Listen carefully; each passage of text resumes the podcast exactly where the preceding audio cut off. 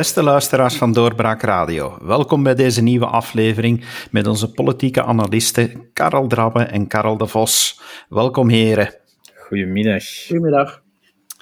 Meneer Drabbe, het is beter weer aan het worden. We moeten onszelf beschermen.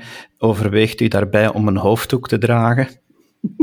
Uh, wel, gezien uh, het feit dat ik nogal haarfollikel uitgedaagd ben, zou dat misschien zo geen slecht idee zijn, want het is toch gezonder dan u elke twee uur insmeren met een of ander uh, goedje.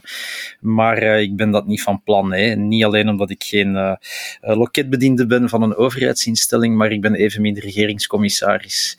Dus ik, ik word niet voor die uitdaging gesteld, nog los van het feit dat ik behoor tot de mannelijke helft van de bevolking uh, cisgender moet ik zeggen, denk ik tegenwoordig. Dus uh, op dat vlak uh, voel ik mij niet aangesproken. Maar uw kwinkslag dient natuurlijk om het debat te openen of de vraag te stellen naar mag een regeringscommissaris of mag een loketbediende in dienst van een overheidsinstelling een hoofddoek dragen? En dat is Uiteraard, dat is de vraag, de, neutral, de neutraliteit. wat, de hoe denkt u daarover? Eigenlijk zou ik daar een drie kwartier kunnen over vullen zonder eh, de eminente professor Karel de Vos, maar we gaan hem zo meteen ook het woord geven. veel bijleren. Um, het is een moeilijk, moeilijk gesprek natuurlijk, een moeilijke discussie liever, en, uh, waar dat je heel veel, daar hangen heel veel, veel, veel uh, angeltjes aan, aan dat debat. Um, de eerste plaats zou je kunnen zeggen van, kijk, liberalen en conservatieven zouden moeten redeneren. De overheid moet zich zo weinig mogelijk bezighouden met het leven uh, van de mensen. En moet zich dus ook niet, moet ook niet gaan indringen in het feit of dat mensen een kruisje dragen, een keppeltje of een uh, hoofddoek, of die nu achter een loket zich bevindt, uh, politieagent is of regeringscommissaris.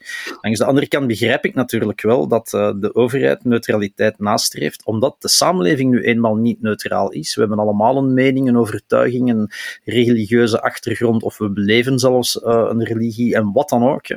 fan van een voetbalclub, lid van een politieke partij. We hebben geleerd dat Jurgen Konings lid was, was van het Vlaamse Belang. Dus het, het, speelt allemaal wel mee. En hoe ga je dan als overheidsinstelling proberen die neutraliteit af te dwingen in de communicatie, in het contact uh, met de gewone burger? Wel, ik denk dat er een issue veel belangrijker is dan die neutraliteit achter het loket. En dat is de efficiëntie van de overheid. Ik vind dat de overheid zich eerst moet bezighouden met haar kerntaken. En één daarvan is dan nog die op een efficiënte manier uitvoeren. Ook tegenover mij als burger. Als ik morgen naar een gemeenteloket moet, dan wel of daar aan de achterkant van dat plexiglas tegenwoordig, uh, omwille van corona, iemand zit met een hoofddoek of met een tatoeage uh, of wat dan ook. Ik denk dat er belangrijkere zaken zijn. Ik denk dat dit voor een stuk ook een symbooldossier is dat naar boven drijft via de MIVB en Georges-Louis Boucher, nu misschien zelfs op tafel belandt van de federale regering. En ongetwijfeld een interessant afleidingsmanoeuvre is voor andere discussies en andere debatten die in mijn ogen veel actueler en veel uh, relevanter zijn. Zelf heb ik daar dus eigenlijk geen standpunt over, over die hoofddoek kon de luisteraar misschien al merken in wat ik daarnet zei. Ik bekijk dan al genuanceerd. Ik denk dat een overheid zich met efficiëntie moet bezighouden, eerder dan met neutraliteit. Uh, maar ik kan mij inderdaad indenken dat een deel van de samenleving zich geschoffeerd voelt als die naar een loket gaat en niet door een neutraal iemand of iemand die er neutraal uitziet, want het gaat alleen maar over dat uitzicht, uh, wordt behandeld. En dan wil ik daar nog een laatste punt aan toevoegen, want anders wordt dit een monoloog, waar ik daarnet al voor waarschuwde. Um, ik woon in Antwerpen. En tot voor corona nam ik heel vaak de tram. En dan zie je uh, jonge, uh, mooie, blitse Marokkaanse meisjes of met een andere etnische achtergrond de tram opstappen in Deurne-Zuid. Uh, of tussen Deurne-Zuid en Antwerpen Centrum, zal ik maar zeggen. En voor ze de tram afstappen, in de buurt van de school waar ze naartoe gaan, s ochtends of s avonds als ze het huis benaderen, dan zetten ze hun hoofddoek ofwel af, hè, als ze naar school gaan, of hun hoofddoek terug op als ze thuiskomen. En diegenen die dan zeggen van ja, maar die hoofddoek moet je vermijden in het publiek, sorry, in, in overheidsinstellingen, uh, omdat het toch ook een instrument is, een, een symbool van een vrouwenonderdrukkende religie. Die hebben misschien niet helemaal ongelijk, maar je lost dat probleem niet op door te zeggen van ach, acht uur per dag Namelijk, als die dame achter het loket zit of achter de schoolbanken, mag die haar hoofddoek niet dragen. En daarbuiten gaan we ons daar vooral niet mee moeien. Ja, dan los je dat probleem ook niet op. Dus dit is een bijzonder complex dossier. Hier hangen filosofisch, politiek-filosofische, religieuze, cultureel, sociaal-culturele elementen aan bod die je niet zomaar met een vingerknip oplost. Uh, die je volgens mij ook niet met één vingerknip kunt gaan onderdrukken. Um, ik denk dat dit een typisch probleem is dat je ook niet met een politiek compromis uh, kan oplossen op eenderd welk niveau, zoals we dat in de jaren 50 met de schoolstrijd uh, hebben gedaan bijvoorbeeld. Maar um, ja, een oplossing heb ik niet. Ik denk ook niet dat er één politicus is die hier een oplossing voor heeft. Maar Karel de Vos heeft die misschien wel. Nee, nee, helemaal niet. Uh, die oplossing heb ik ook niet.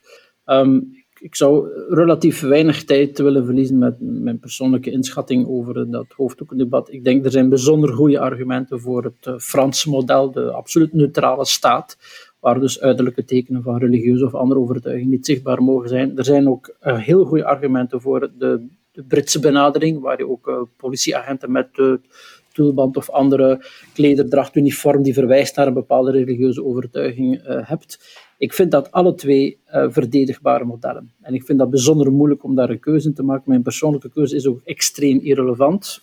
Maar op het einde van de rit, ik vind, als je ook als commentator in politiek debat redt, dat, dat, dat oké, als men dat wil, maar zeg van kijk, welk model verkiezen. Ik heb geen probleem met uh, loketbedieners met een hoofddoek. Ik begrijp dat andere mensen dat wel hebben, maar voor mij mag men dat Brits systeem invoeren. Maar dat is niet de essentie van de zaak. Ik denk dat de vraag veel meer is, waarom hebben we het hier nu over? Over dit thema. Niet voor het eerst en zeker niet voor het laatst. En wat er in elk geval niet zal gebeuren, is dat het, zoals Karel Rabbe zegt, nu opgelost wordt.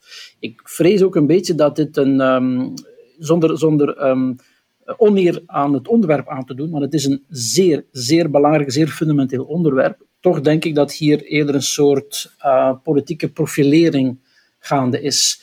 In het bijzonder uh, is het allemaal wat opgepookt door uh, MR-voorzitter Boucher, het probleem is ontstaan in Brussel. We kennen het verhaal ondertussen, de MIVB-medewerkster en dan eh, het feit dat het directiecomité zei we gaan in beroep tegen de procedure.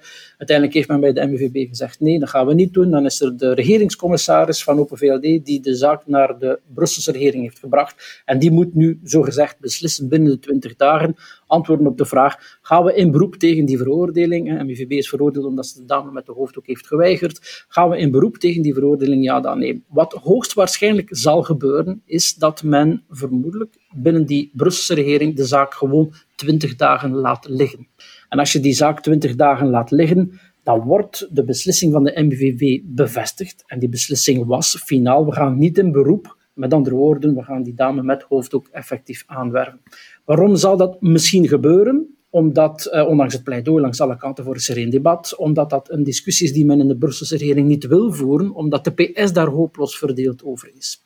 En dus die PS wil dat debat evacueren, wil dat debat negeren. Meneer Boucher kan vanuit de oppositie in Brussel dat niet afdwingen, dat debat. Uh, maar wat heeft hij gedaan? Dat is een heel uh, tactisch slim politicus. Hij heeft via uh, zijn woordvoerster vernomen wellicht dat haar zus, de zus van zijn woordvoerster, die een hoofddoek draagt, via een ecolo-kabinet, federaal ecolo-kabinet, tot regeringscommissaris is aangesteld. En uh, blijkbaar hebben, hebben de twee zussen daar een ander idee over. De ene heeft een hoofddoek, de andere niet.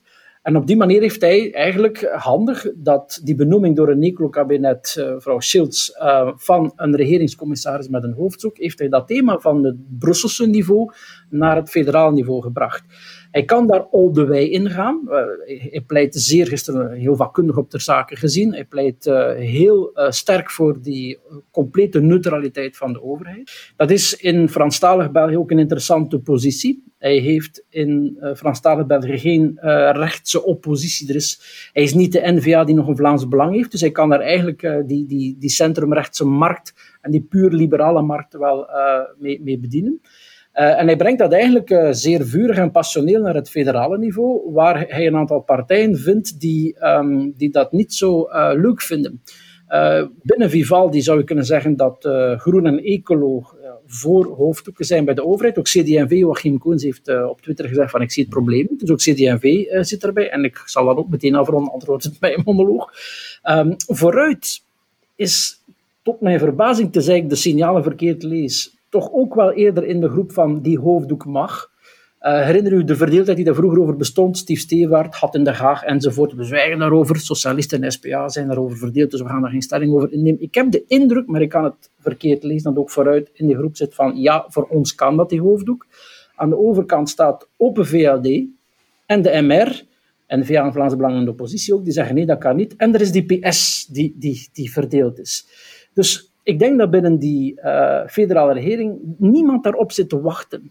Uh, zeker de PS niet, ook Alexander Kroon niet, die eigenlijk maar wat graag zou hebben dat we vanaf nu spreken over zijn uh, sociaal-economische relanceplan.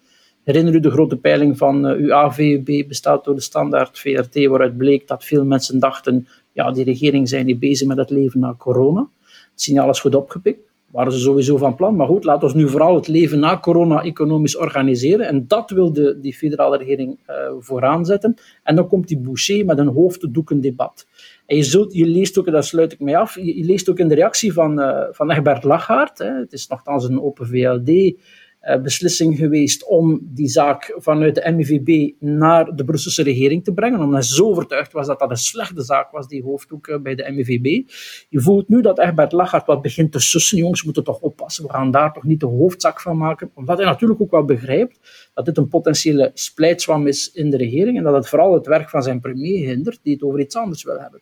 Maar hoe dan ook geloof ik niet dat men nu binnen de Vivaldi daar een groot debat over zal organiseren, dat dat voorstel van Boucher het ook of de zal zijn de komende weken en maanden. Ik vrees, jammer genoeg, dat dat een beetje steekflankpolitiek is om de partij MR voor een stuk te profileren en dat dat dan wel na een week of drie, vier heisa weer gaat liggen.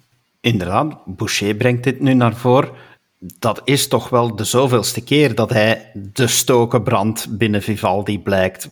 Hij, hij blijft toch altijd maar met dingen naar voren komen die, die voor discussie zorgen. Ja, we hebben dat eigenlijk, uh, en wij niet alleen trouwens, hè. Karel de Vos en ik niet alleen, denk je. Zowat elke wedstrijdwatcher heeft dat al, of heeft dat al in september, oktober voorspeld. Hè. Toen uh, Vivaldi in de steiger stond, hebben we het er in een podcast al over gehad, dat het toch opletten uh, geblazen is voor de volgende oekase van iemand als Boucher. Karel de Vos zei daarnet al, hij speelt het politieke spel heel behendig. Hij heeft dat inderdaad in zijn vingers.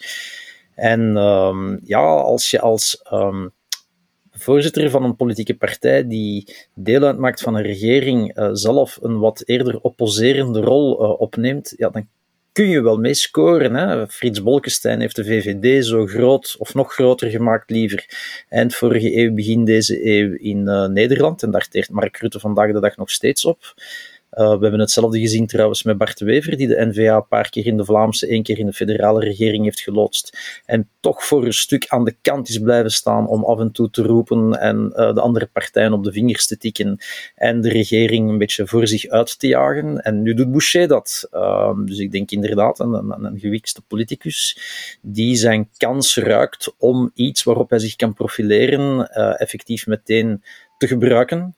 Um, of het er nu om gaat, inderdaad, om een debat te voeren op de, in de federale regering, dan wel om gewoon de krantenkolommen. En uh, hij zat gisteren dan blijkbaar in ter zake. Ik heb het zelf niet gezien, maar ik heb er wel over gelezen. Um, ja, dan, dan, dan, dan is je missie al deels geslaagd. Hè? Die oplossing van dat hoofddoekenprobleem die gaat er niet komen, daar hadden we het net al over. Maar Boucher is erin geslaagd om zich nog maar eens naar voren te vechten uh, als het haantje de voorste van de wedstrijd momenteel. En op het moment dat een Theo Franke zich een, een beetje achterover leunt en probeert aan positieve politiek te doen, ja, is het speelveld eigenlijk vrij ten opzichte van Vivaldi, om dus aan iemand die binnen Vivaldi staat, of tenminste toch met één been, uh, om ja, de rest van dat speelveld in te nemen en zo wat oppositie te voeren, zichzelf te profileren enzovoort. Vergeet ook één ding misschien niet. Um, Karel de Vos moet mij maar corrigeren of dat het er iets mee te maken zou hebben of niet. Maar in het voorjaar volgend jaar gaat Frankrijk naar de presidentsverkiezingen. Uh, in Frankrijk begint stilletjes aan dat debat op gang te komen. We weten trouwens nog altijd niet of Macron kandidaat is om zichzelf op te volgen. Uh, Frankrijk, dat is het land van de laïciteit. De voorbije maanden zijn er zelfs ministers die pamfletten geschreven hebben voor die laïciteit en tegen wat men daar het separatisme noemt. Dat is dan het culturele separatisme, onder meer van de radicale islam. Boucher gebruikt hier in Vlaanderen of in België liever het woord communautarisme of communitarisme. Het zijn eigenlijk dezelfde begrippen, of verschillende begrippen voor het, hetzelfde principe. Dus gemeenschappen die zichzelf eigenlijk gaan organiseren wat wij in België kennen van de verzuiling. Hè. Dat is, dit is helemaal niet nieuw. Maar ik denk dat op het moment dat die debatten gaan ontstaan in Frankrijk, en vermits dat toch één op vijf Franstaligen zijn nieuwsbronnen op de eerste plaats vanuit Frankrijk haalt, denk ik dat hij daar alleen maar kan bij winnen door op die manier het ene wagonnetje aan het andere te hangen en ja, aan de oppervlakte, of tenminste boven de oppervlakte uit te stijgen en op die manier proberen het debat dat hij in dit geval dan zelf aanzwengelt uh, te leiden en, en daar uh, aan, aan koppositie te blijven en op die manier ja, punten te scoren bij, de, bij het Franstalige electoraat. En dat is, voor alle duidelijkheid, ook al zat hij gisteren in ter zake, een totaal ander electoraat dan het Vlaamse. Ja, dat bleek ook de voorbije weken. Hè, we in Vlaanderen vooral een week eh, bezig waren met de hate speech en de veroordeling door de Mechelse rechter van de stop-islamisering, terwijl dat totaal geen issue was in Franstalig België. Maar ik denk dat Karel Drabbe gelijk heeft. Uh, het is eerder al gebleken dat de debatten in Parijs een grote impact hebben op de debatten binnen de Franstalige, Belgisch-Franstalige politiek. En dus uh, de thema's die vanuit Parijs komen, zullen ook thema's zijn waar uh, Franstalige politici, maar vooral Boucher, zich op zullen profileren. Boucher is trouwens een, um, niet alleen bij hen, maar ook een slim man in die zin. Um, van waar komt de MR? De MR komt uit de tijd waar ze de premier leverden en de helft van de regering, naar een coalitie Vivaldi waar ze um, in grote mate onzichtbaar is. Ik denk dat uh, de ministerpost die de partij is toebedeeld op dit moment nog niet echt gerendeerd. Bovendien zijn ook de profielen van de ministers in kwestie niet dermate sprakmakend dat je daarmee veel zielen beroert. Dus moet Boucher het zelf doen. Hij heeft geen Frank van den Broek, hij heeft geen premier, hij heeft zelfs geen Van Petergem of noem maar op, die toch de partij vooraan in, in de aandacht brengt. Dus hij moet het zelf doen. En hij moet op een of andere manier proberen om, om die positie van de MR, die vroeger prominent was, via de premier en de helft van de regering, om die positie terug te, in te nemen. Want nu is die partij wat weggezakt.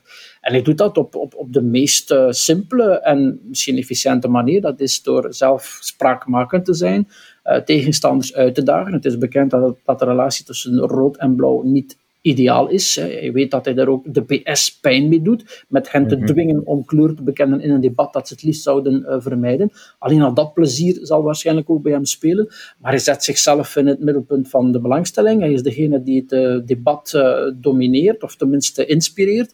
En dat is natuurlijk een manier om in de aandacht te komen, als je dat niet kan doen met je ministers. En hij heeft dat al een paar keer gedaan, hij zal dat ook blijven doen. Hè. Je hoort, je leest nu weer, ja, we wisten het, dat we er problemen mee gingen krijgen. Uh, voor mij is het meest relevante dat uh, ja, hij daarmee ook de regering voor een stuk. we moeten dat niet overdrijven. Er is geen groot politiek probleem binnen de Vivaldi over die hoofddoeken. Maar het is toch niet het beeld of het nieuws dat uh, de Kro uh, nu wil brengen. Hè. Alexander Kroo wil het hebben over versoepeling en relance. En dan komt dit ertussen fietsen. Ik kan me inbeelden dat nogal wat op een VLD'ers vaak het gevoel hebben dat er stank voor dank gekomen is. Want die hadden hem kunnen laten vallen, hadden ze dat gewild. En nu zitten ze met de Boucher. En ik, ik ken toch een aantal VLD'ers die, die, die zeggen we hadden toch iets meer loyaliteit van Boucher verwacht. Nu, ik, ik, verwacht inderdaad ook niet dat dit een splijtswam gaat zijn binnen Vivaldi. Het is zo eerder iets dat voor de nodige jeuk zal zorgen dan wel uh, voor, voor ergere kwalen, uh, zal, uh, tot ergere kwalen zal leiden. Wat mij interesseert de volgende dagen is hoe de PS hier verder zal mee omgaan, omdat de, de splijtswam zit niet op het niveau van, het, van de federale regering, maar zit eigenlijk binnen de PS. Die partij is diep verdeeld, veel meer dan vooruit omdat het ook een grotere partij is natuurlijk, uh, die, die de, al zo lang deel uitmaakt van de macht en van de instellingen, of helemaal vergroeid is met de instellingen in Franstalig België. En daar zit je met een vrij grote groep, zal ik maar zeggen, die die laïciteit, dat Franse model echt wel aanhangt. Maar je zit met een groot deel van het electoraat dat er net anders over denkt. Het is zo wat uh, Dirk-Jan Epping ooit het islamosocialisme heeft genoemd, dat een uh, verdienmodel is geweest in het Brussels gewest. En dat daar nog een, een, grotere kloof is en een diepere kloof, denk ik, dan in Wallonië zelf.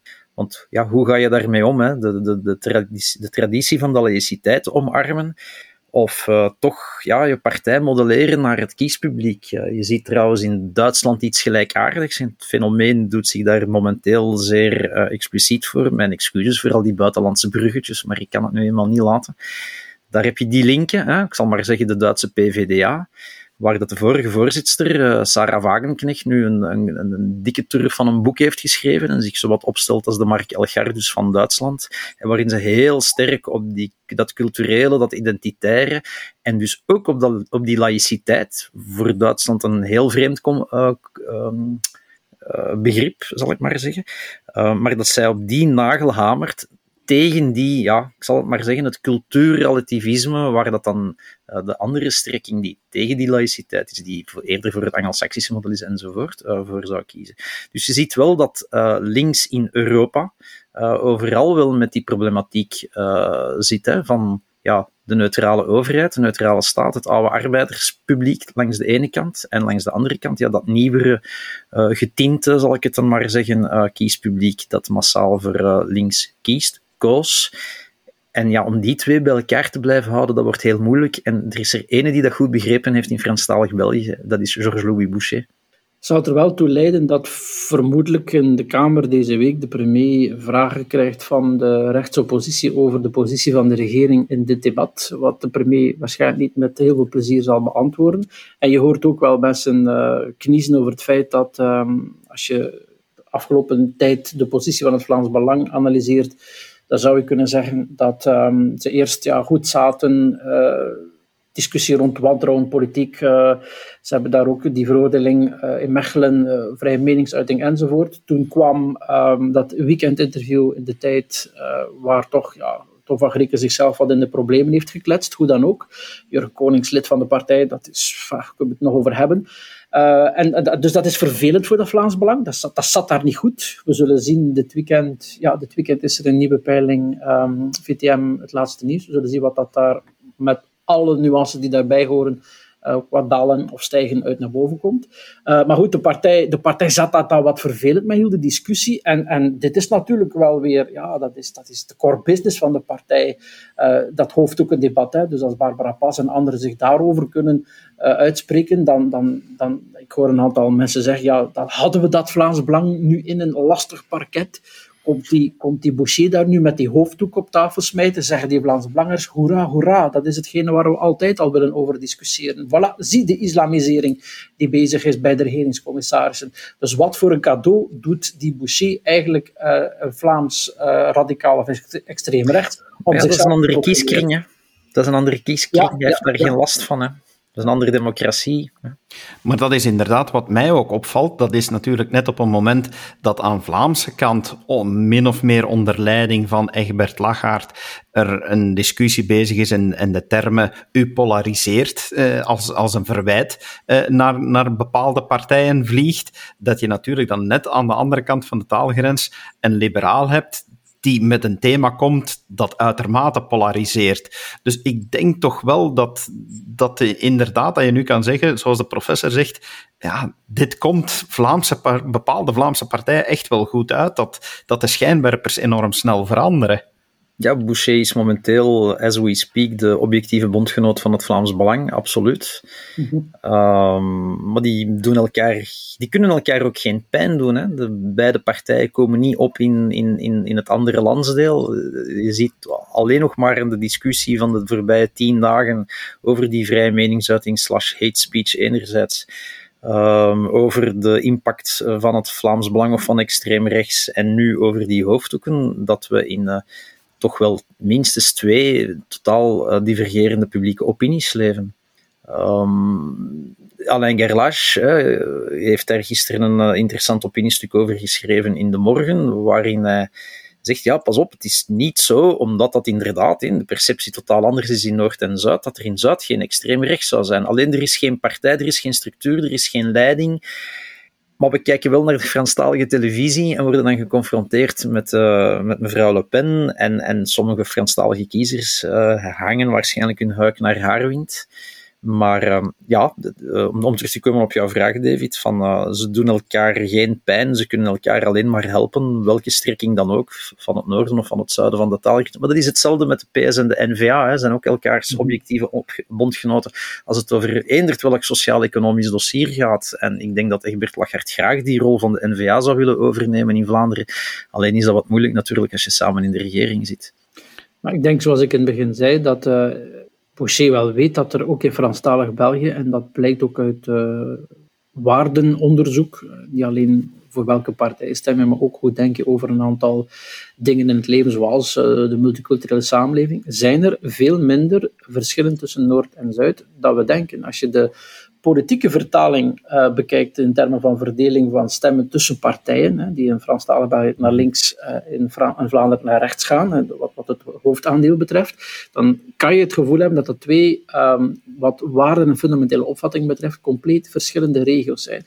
Eh, als je die bovenste laag daarvan afpelt, bij wijze van spreken, en je gaat in de ondergrond gaan kijken wat, welke fundamentele opvattingen zitten daar eigenlijk achter, dan blijkt dat de politieke vertaling wel voor een stuk anders is, maar dat in fundament veel uh, fundamentele ideeën over uh, samenleving gelijk zijn tussen Vlaanderen en Wallonië. Met andere woorden, er is in Franstalig België ook een markt voor pannen van hoofddoeken, um, ja, het, het, land zit vol, dat soort van uitspraken. Je moet alleen vermijden dat je dat in Franstalig België in een, ja, in een extreem, onder een extreme rechts of radicaal rechtse vlag vertelt, dat daar geen extreem rechtse ondertoon bij zit, want dan is dat om allerlei redenen in Franstalig heel verdacht en heel verbrand. Um, en als je dat kan doen, dat is wat Boucher aan het doen is, dan kan je ook een markt voor jezelf, zoals ik zei, er is niks aan de rechterkant van de MR, dan kan je voor jezelf ook een markt bouwen. En het is in die zin, ik denk dat dat voor een stuk, uh, je hebt gelijk, hè, het zijn objectieve bondgenoten, maar ze, ze, vinden elkaar ook, de MR en, en, en, en het Vlaams Belang, in die, in die strijd voor, uh, waarom, waarom, maken ze die hoofddoek tot een, tot een thema? Omdat ze denken dat dat hun allebei electoraal ja. vooruit gaat. En in die zin is dat, uh, is dat een godsgeschenk voor het Vlaams Belang, waarvan ik toch de voorbije weken wat... Um, geschrokken ben, niet omwille van de inhoud als dusdanig van dat weekendinterview, maar het feit dat een, een, eh, een ja, zeer goed communicator, namelijk Tom van Grieken, de, de, de, ja, zeg maar de, de man van de radicaal-rechtse partij, in tegenstelling tot de extreemrechtse partij.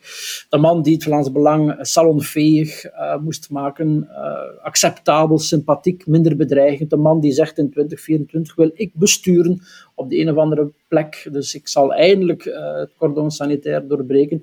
Dat die man tot zo'n uitspraken in een weekendinterview op papier dat is iets anders dan in het geest van een televisiedebat, waar dan, waarvan je dan achteraf denkt van, ja, dat had ik toch niet op die manier mogen zeggen, maar bon, hè, dat, dat gebeurt in een, een soort van dialectiek. Nee, het is een weekendinterview, ik ga ervan uit nagelezen. Uh, je denkt goed na, in Vlaanderen is dat een ongelooflijk belangrijk item, hè. in buitenland kennen ze dat niet, in Vlaanderen is dat een hoofditem in de weekendkrant, zijn de interviews. Dat moet nagelezen zijn, uh, en dat je dat, dat laat passeren, ja, dat verbaast mij wel, van zo'n professional, want ik kon afleiden uit zijn um, non-verbale communicatie ook, een aantal reacties ook wel. Non-verbale communicatie zondag bijvoorbeeld in de zevende dag. Ik heb het debat s'avonds herbekeken. Dan zag je gewoon, de man zit daarmee verveeld.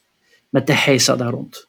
En dat vind ik wel straf, dat hij die woorden heeft uitgesproken. Ja, dat was inderdaad wel verrassend, hè, dat hij zich plots uh, het, het, woord blank of wit of wat dan ook uh, in de mond neemt. Dat zijn zo van die zaken die we zouden associëren met het Vlaams blok van de jaren tachtig en van bepaalde groepuscules in en rond het blok destijds. Maar van de great communicator, die Tom van Grieken toch echt wel is, zouden we dat echt niet verwacht hebben. Ten andere, hij had in dat weekend ook een uh, interview, een groot interview in het laatste nieuws. En daar is er zo geen slip of de tong geweest. Terwijl dat een veel kritischer interviewer was. De, de, in, de interviewer liever stelde zich daar veel kritischer uh, op in het laatste nieuws dan wat het geval was in de tijd. Dus ja, misschien heeft hij gebruik gemaakt van open doekje en, en het achterste van zijn tong laten zien. We zullen het niet weten. Dat zal wachten zijn op zijn memoires binnen 50 jaar. Maar ik denk, ik was niet zozeer verbaasd over de inhoud als dusdanig, want ik heb nog geweten dat uh, Van Grieken het over omvolking had. Je kan niet over omvolking spreken als je geen raciaal element opneemt. Uh, bovendien, indirect uh, steunt hij dat, want hij, laat individuen zoals um, Dries van Langenhoven toe om, om, om, daar, om daar een belangrijk issue van te maken. Het is en blijft zijn Kamerlid, officieel onafhankelijk, maar dat, dat, dat gelooft niemand. Hè. Dat staat echt niks voor. Dat is pure hypocrisie om Dries van Langenhoven onafhankelijk te noemen. Dat is een prominent Kamerlid, was ook een lijsttrekker.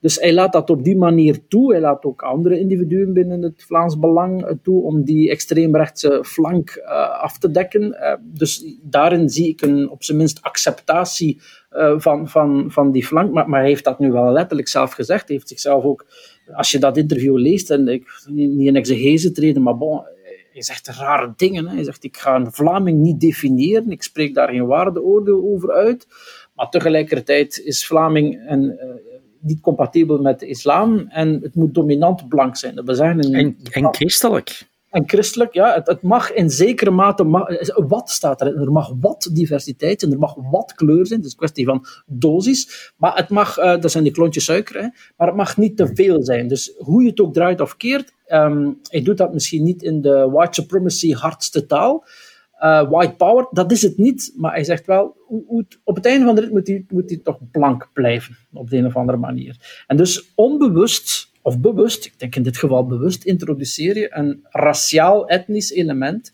in je identiteitsomschrijving, waarvan je nogthans zelf zegt, ik ga dat niet doen.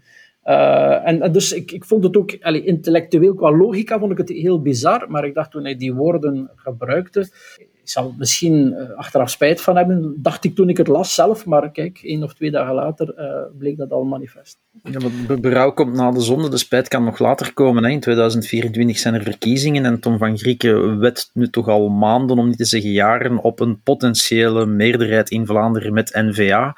In datzelfde interview heeft hij het over een linkervleugel in de N-VA die tegen uh, het doorbreken van het cordon is en een zogenaamde rechtervleugel die voor het cordon is. En hij zegt dan, iedereen weet dat die twee vleugels bestaan. Ik heb ze nog altijd niet gezien, maar goed. Um, maar hij wet daar toch op, hij hoopt daar toch op, maar hij heeft nu eigenlijk wel die, wat hij dan noemt linkervleugel, en vooral iemand als Bart de Wever een extra argument in handen gegeven om toch maar dat cordon niet te doorbreken. En mocht daar discussie over bestaan, dan zullen CD&V en VLD de eerste partijen zijn om de Wever en Co erop te wijzen van, ja maar, met iemand die zulke uitspraken doet, daar gaan we niet mee aan tafel zitten. Mhm. Het is op zich al een, een, week dat er verhitte discussies bezig zijn over allerlei zaken.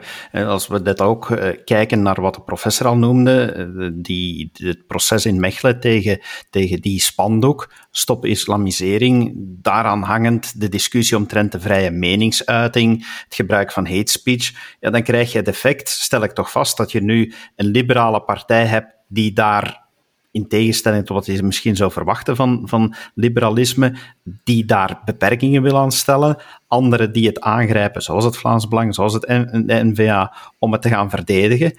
Terwijl nog niet zo lang geleden het omgekeerde was. Er is een toespraak uh, van Peter de Rover in het parlement uh, in de vorige legislatuur, waar dat dan net werd toch min of meer gevraagd om een beperking op vrije meningsuiting te zetten.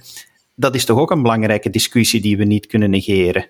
Absoluut, en ik denk dat rond uh, die nieuwe thema's, ik gebruik niet graag het woord nieuwe thema's, want zo nieuw zijn ze niet. Hè. Een debat over bijvoorbeeld vrije meningsuiting is eeuwen oud. Dat over hoofddoeken kennen we ook al 30 jaar en meer.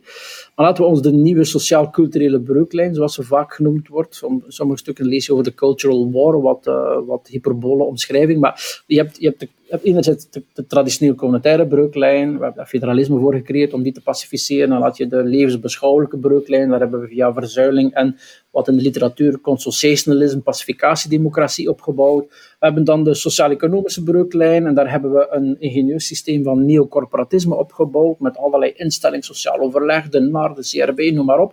Dus die klassieke breuklijnen waar die traditionele partijen op ontstaan zijn, hebben we eigenlijk, dat heeft geleid tot een ongelooflijk ingewikkeld land, maar hebben we uh, institutioneel helemaal uh, ingekapseld en gepacificeerd. Die laatste breuk, er komen er in de komende honderden jaren dan nog wel andere, maar die laatste breuklijn die daar al decennia ligt te, te sputteren, daar is het grote probleem dat uh, die klassieke partijen hebben daar geen duidelijk standpunt over. Ze zijn daar intern verdeeld over. Je kan ze niet aan de een of de andere kant zetten. Ze, ze bewegen doorheen de tijd. We hebben, we hebben het net, net gehad over uh, Vooruit, die nu in die discussie rond hoofddoeken eerder aan de kant lijkt te staan van dat kan, hè, terwijl vroeger vooral geen positie over innemen. Dus die klassieke partijen die weten eigenlijk zich geen houding aan te nemen in die debatten. En het is ook een amalgaan, die breuklijn. Het gaat over een recht op vrije meningsuiting, over hoofddoeken, over hate. Of, wat is dat allemaal? Er zitten ook geen, uh, en dat maakt het zo lastig, er zitten ook geen grote organisaties achter, geen geen, geen geen vakbonden, geen, geen katholiek onderwijs of wat dan ook, waarmee je aan de tafel kunt zitten en zeggen, jongens, we zijn hier met z'n vijven of zessen. Wij hebben een sterke gezagspositie binnen onze eigen organisatie. We hebben een sterk verticaal gezag. Laat ons in dat horizontaal eliteoverleg eens een deal sluiten. We maken, we maken een, grote wet, Tweede Wereldoorlog, over het sociale zekerheid. Of we maken een cultuurpact. We sluiten een vrede die eigenlijk iedereen een beetje uh, ja, in de geest van België gesubsidieerde autonomie zijn of haar eigen ding laat doen. Het probleem is dat op deze breuklijn niets van die klassieke ingrediënten aanwezig zijn om die pacificatie door te voeren. Met andere woorden, ik denk dat die breuklijn ons nog uh, vele jaren zal, uh, ja, tot, tot discussie zal leiden.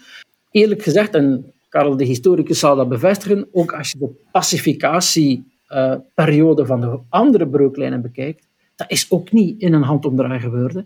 Daar, ging ook, daar gingen ook vele decennia over. Dus ik denk dat we de tijd de tijd gaan moeten geven om dat, uh, om dat hier in deze ook te doen. Uh, volledig mee eens. Eén heel korte bedenking. Um, het, het amalgaam van hè, de hoofddoeken, de vrije meningsuiting enzovoort. Uh, de culture war, hè, om dat, die hyperbulden maar te gebruiken. We spraken vroeger ook van een schoolstrijd. Hè. Um, en een taalstrijd enzovoort. Um, maar goed, ja, misschien is er inderdaad een nieuwe strijd aan de oppervlakte aan het komen. Maar mijn kleine bedenking is de volgende. Um, dat is dat deze nieuwe breuklijn eigenlijk alle bestaande type een voor België typische breuklijnen, links versus rechts, Vlaams versus Waals, gelovig versus niet-gelovig, of katholiek versus vrijzinnig, zo je wil, overstijgt. En het klopt, ik vind het een interessante bedenking uh, van Karel de Vos, die daarnet zei van, ja, er zijn geen grote georganiseerde groepen meer die een zekere autoriteit hebben voor de, de gemeenschap die zij dan vertegenwoordigen, die je rond de tafel kunt roepen, als regering bijvoorbeeld, om te zeggen van, laat ons eens zoeken naar een consensus of naar een compromis, al naar gelang. Het zijn twee verschillende dingen. Die zijn er niet. En dat zal de discussie alleen nog maar moeilijker maken. Zeker nu dat elk individu zijn stem uh, kan, luid kan laten klinken op de sociale media. En dat kranten en televisieprogramma's een heel artikel, een heel item wijden aan een Twitter-discussietje tussen twee figuren bijvoorbeeld. Uh, je ziet het wekelijks uh, gebeuren. Dus Um, ja, het zijn zeer vloeibare tijden, wat het moeilijker maakt om, ook al zal het ook heel lang duren, maar het zal toch moeilijker zijn dan vroeger om dit soort strijd, uh, dit soort nieuw ideologisch uh, geschil tot een goed einde te brengen. Of het nu, zoals ik daarnet zei, via een compromis of een consensus is. Maar goed, dat is maar een bedenking waar de luisteraar misschien niet veel aan heeft. Het is misschien wel een beetje te filosofisch. Maar... Um, ik vind, allee, het zet het in een, in een, in een in een breder kader, ja. We mogen vooral niet verwachten dat, uh, zeker politici niet, uh, plots uh, met één vingerknip voor oplossingen gaan zorgen. Um, bijvoorbeeld als het nu over die vrije meningsuiting gaat en dat die, die, die, het spandoek van voorpost, hè, stop islamisering. Ja goed, we moeten eerst nog afwachten wat er in beroep zal worden gezegd. Um, en, en hoe gaat hoe gaat de media en de sociale media daar dan weer mee omgaan? Hoe gaat de publieke opinie daar dan mee omgaan? Dus het, is, uh, het, het, wordt er niet makkelijker op. Nee, nu wat dat specif die specifiek, specifieke uitspraak in Mechelen betreft, ik, ik, tenzij ik het gemist heb, en dat zou best kunnen, eigenlijk weinig of niemand gezien van naam en faam die die, die uitspraak als zodanig verdedigen. Je, ziet overal mensen zeggen dat ze hopen dat dat in hoger beroep uh, gecorrigeerd wordt. Tenzij, tenzij ik iemand heb gemist... Uh, Um, maar wat wel nu ondertussen duidelijk is geworden, en dat daarvoor was de daarom heb ik dat debat ook uh, onder sommige mensen bij tip, je moet eens gaan kijken naar het debat in de zevende dag, want er is iets gebeurd rond die hate speech um, plannen van de Vivaldi-regering.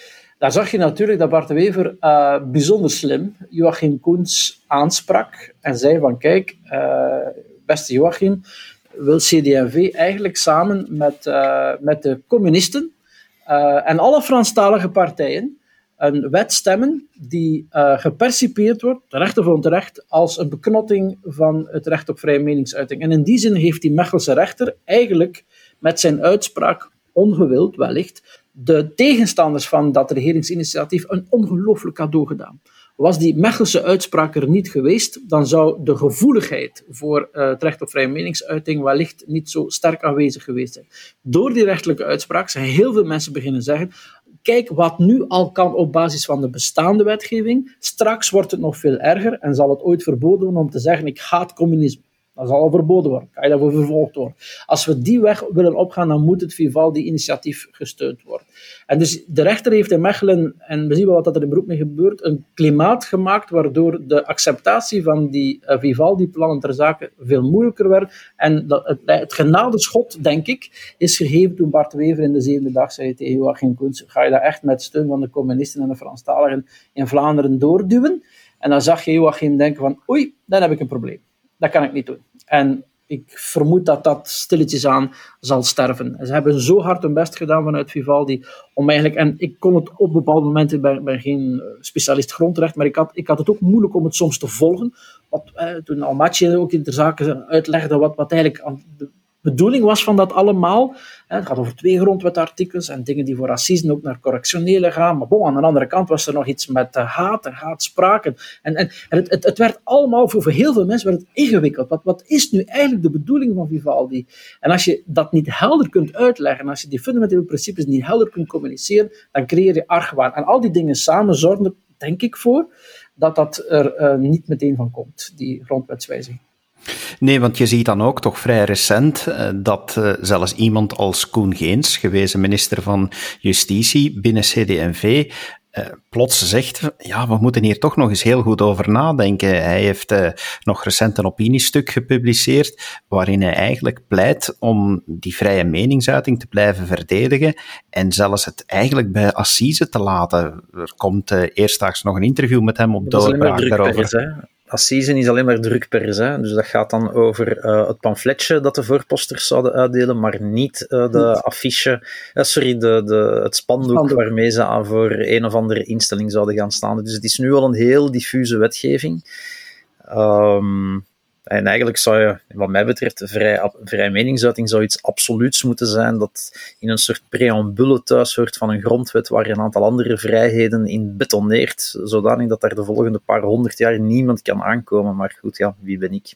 Het is, allee, ik, ik denk, als we, we zullen zien wat de uitkomst nu precies is, misschien vrees ik mij magistraal, want dat gebeurt vaak, maar dat men achteraf de Mechelse rechter zal mogen bedanken voor de creatie van het maatschappelijk klimaat waarin die Vivaldi-plannen uiteindelijk uh, zullen afsterven. Want zonder die rechter was dat misschien niet gebeurd. En dan zal hij een activistische rechter worden genoemd. Ja, van een andere zij, kant. Het was een zij, geloof ik. ik weet het niet. Ja, van een het was kant. inderdaad een zij. Ja. Goed, laat ons besluiten met de hoop dat we alleszins uh, vrij van mening mogen blijven verschillen en uh, voornamelijk vrije analyses mogen blijven maken in onze podcast. Het zou doodzonde zijn moesten we ooit van een rechter te horen krijgen dat wij moeten stoppen met deze discussies. Uh, dus hopelijk kunnen we daarmee blijven doorgaan. Een interessante casus zijn dat wel, hè? Over Karel Slijk. Spreek me niet uit over welke Karel. Ja, ja. Pak maar die met een K. Ja. We, we, we, zullen het voorleggen aan een, aan een aantal uh, luisteraars uh, die, uh, die zelf actief zijn in de juridische wereld. En wie weet met welke argumentatie komen zij af. Ik besluit alleszins met jullie te bedanken voor deze grondige analyse deze week. Dank je wel, Karel Drabbe, Karel de Vos, voor jullie tijd. Graag gedaan. Graag gedaan. En u, beste luisteraar, dank u wel dat u geluisterd hebt. U weet ook dat we inmiddels een app hebben waar u niet alleen de artikels kan raadplegen van Doorbraak, maar waar u ook kan luisteren naar deze en vele andere podcasts. Download hem zeker en probeer het eens uit. Graag tot de volgende keer. Dag.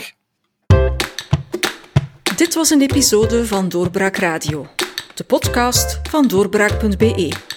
Volg onze podcast op doorbraak.be/radio of via Apple Podcasts, Overcast of Spotify. Bezoek ook onze website op doorbraak.be en steun ons door een vriend te worden van Doorbraak.